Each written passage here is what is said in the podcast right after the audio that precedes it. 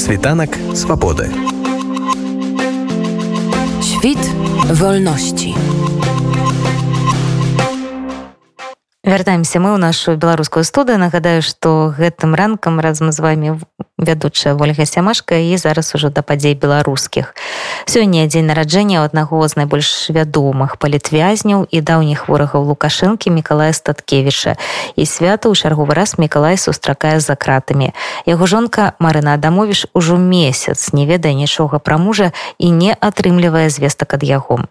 Моя калега алена прыходзька паразмаўляла з марынай пра умовы ўтрымання яе мужа яго палітычныя прагнозы і веру ў дэмакратычную перамогу беларус беларусаў.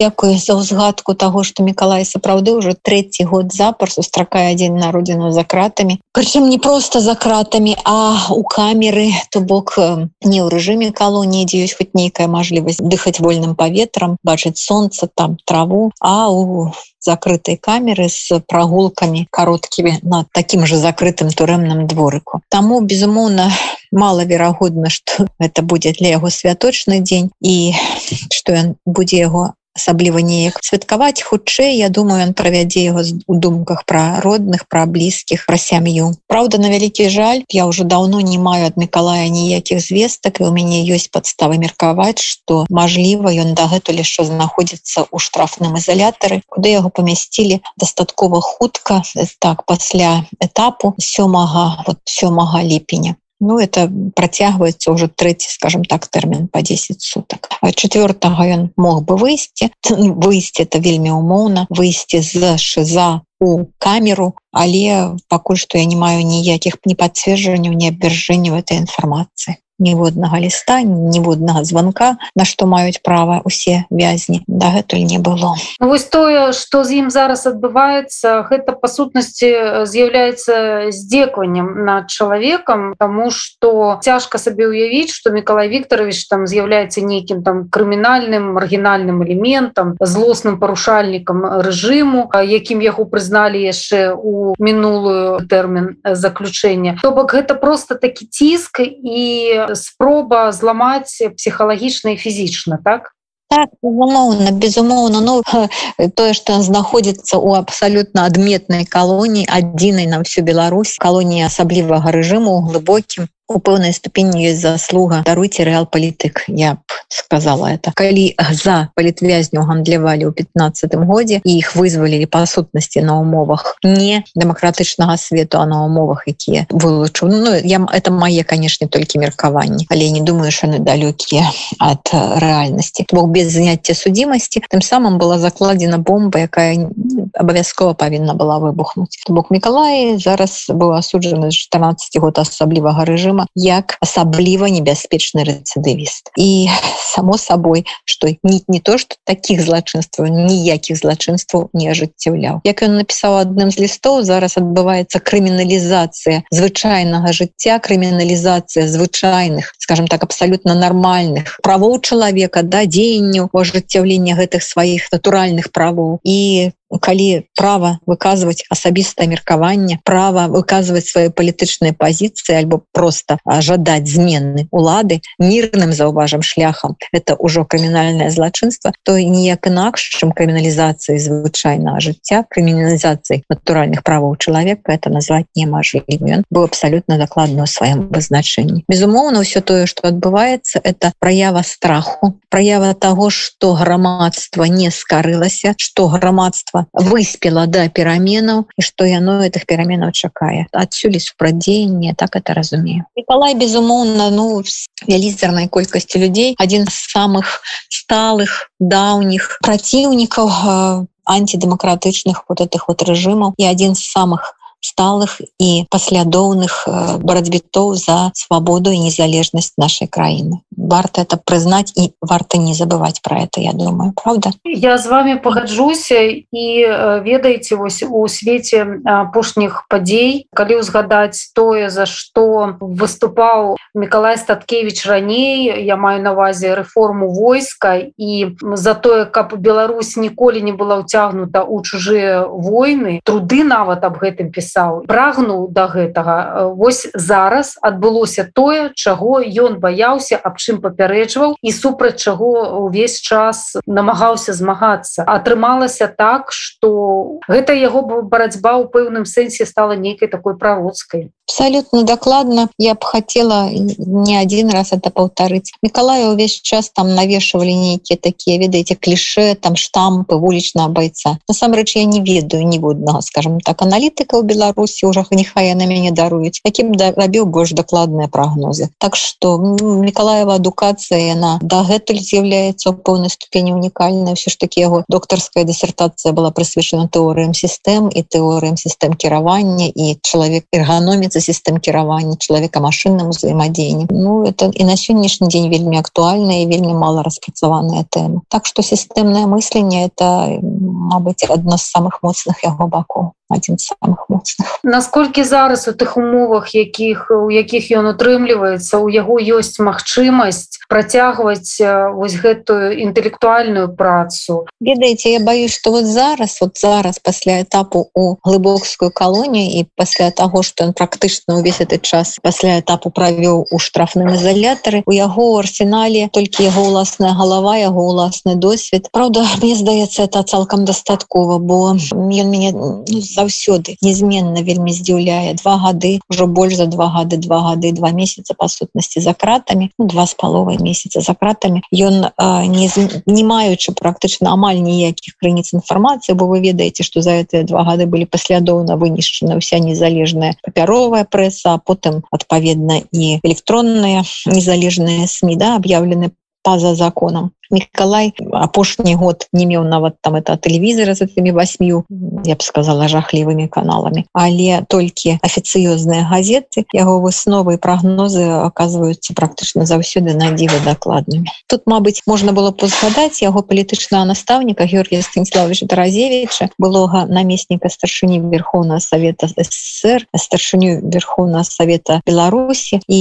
лепшага перагаворшчыка там скажем так часоў гарбачова да які ва ўсіх канфліктах распадзе Савецкага союза па сутнасці імкнуўся не дапусціць кровапраліцця і ну, зрабіць мірным это распад. Ось Миколай заўсёды э, казаў что калі ён там малады палітык звяртаўся до Георгія станіславовича за парадай то ён казаў ему не трэба было думаць яму варта было узгадаць і вот, мне здаецца Миколай зараз у той стадыі калі яго жыццёвы вопыт досвед і сістэмны сістэмны розум дазваляе яму просто карыстацца сваёй галавой якасці крыніцы інфармацыі але что тычыцца іншых крыніц інфармацыі то я думаю что вы разумееце что ўж из-за іх няма ўвогуле а у камеры іх вобмаль.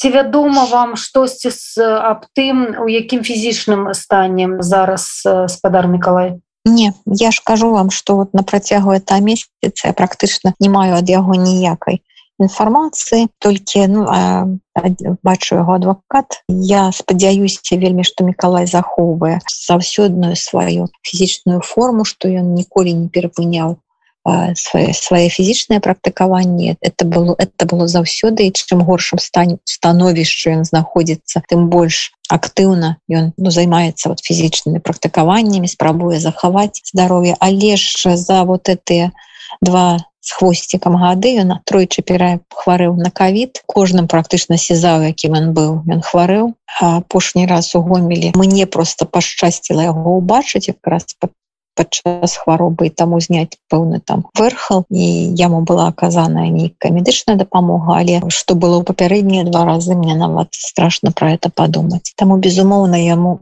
патрэбна рэабілітацыя безумоўна яму патрэбны лекі і я вельмі ну просто вельмі вельмі хвалююся бо ўжо больш чым на месяц не подписываюць ніколі а вот это месяц уже прайшоў і ну, якая сітуацыя зараз я нічога не могу вам сказать. Могу толькі молиться спадзявацца калі так. отправлялі на этап то з гомельская сеза яму выдалі там это неабходныя лекі там ну типа это аксарел то беларускі аналог там яшчэ нешта і печатку поставілі медсанчасткі а ў віцебскім сеза на этапе у яго іх отобралі то бок это ну мякка кажучы ка сапраўды у міжнародным праве это жорсткае бесчалавечнае абыхожванне і катаванне. Іншых кваліфікацый это не мае магу толькі маліцца яшчэ раскажу ці ёсць у вас магчымасць перадаваць ему нейкія перадачы? Ці вы увогуле зараз абмежаваны ва ўсім Лена справа ў тым что пак усе мажлівасці падтрымаць роднага заканчиваются пасля вступлення прысуду ў сілу. Далей уключается алгарытм такой абсолютно бесчалавечной этой машины тому что уже вот опыт апошніх двух гадоў сведчыць что вельмі многіх палітычных вязняў як толькі яны трапляюць у калоніі адразу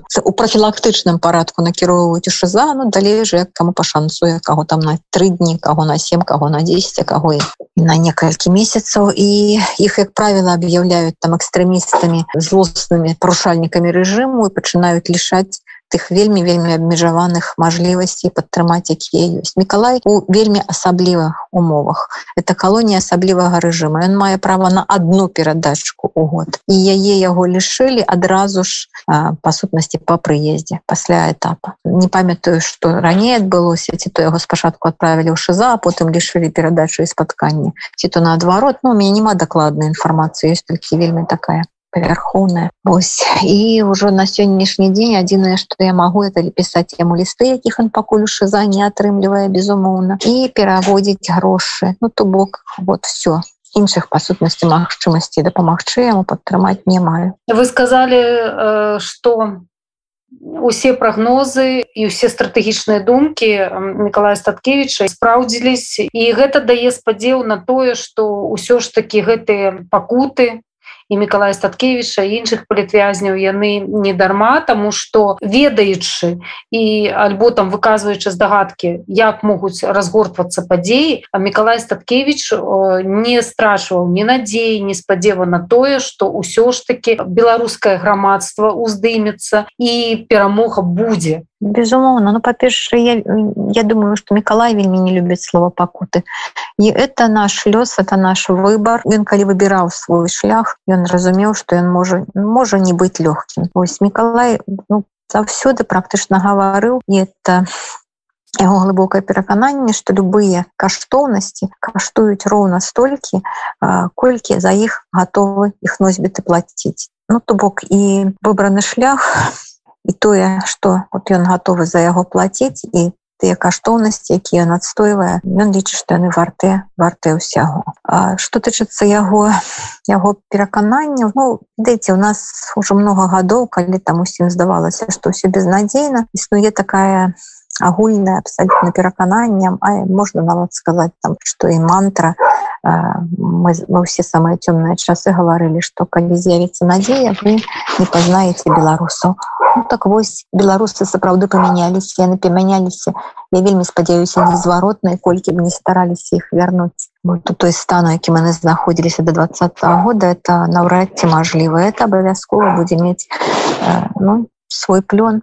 Николай э, лічыць что ну что перамены непазбежныя безумоўна война якая пачалася ў лютым я думаю істотна скажем поменяла прогнозы я маю на увазе па часе хроналогія часу. Але Миколай прадказаў тое что про что вот не так давно стали гаварыць про мажлівых там пераемнікаў да напісаў мне про это літаральна за некалькі тыдняў до того як это было там агучана і сказаў что ну вот война эканамічныя санкцыі могуць паскорыць непрадказальна паскорыць этой падзеі ну, маю на увазе не падрыхтоўку пераемніка а ўвогуле перамены ўкраіне. А вам падаецца што ўсё ж таки за гэтыя два гады беларусы не страцілі надзею Таму что ведаеце розныя зараз галасы гучаць і галасы расчараванняў і прэтэнзій і ўзаемных дакораў таксама. Я думаю что беларусы чакаюць Беларусь чакае ось безумоўна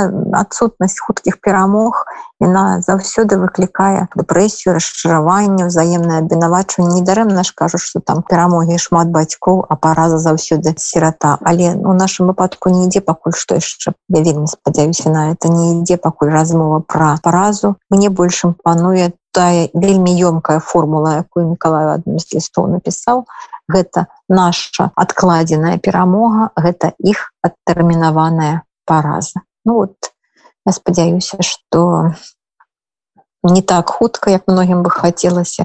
Ты что там казаць я таксама спадзявалася что хотя б гады за два это сітуацыя павінна разруліцца а вот два гады уже прамянули так што прыйдзецца яшчэ папрацаваць і пачакаць У нашым эфіры была жонка Миколая Статкевіча Марына Адамовіша. Нагадаю што сам палітык сёння мае дзень нараджэння але адзначае яго за кратамі. Світанак свабоды. Świt wolności.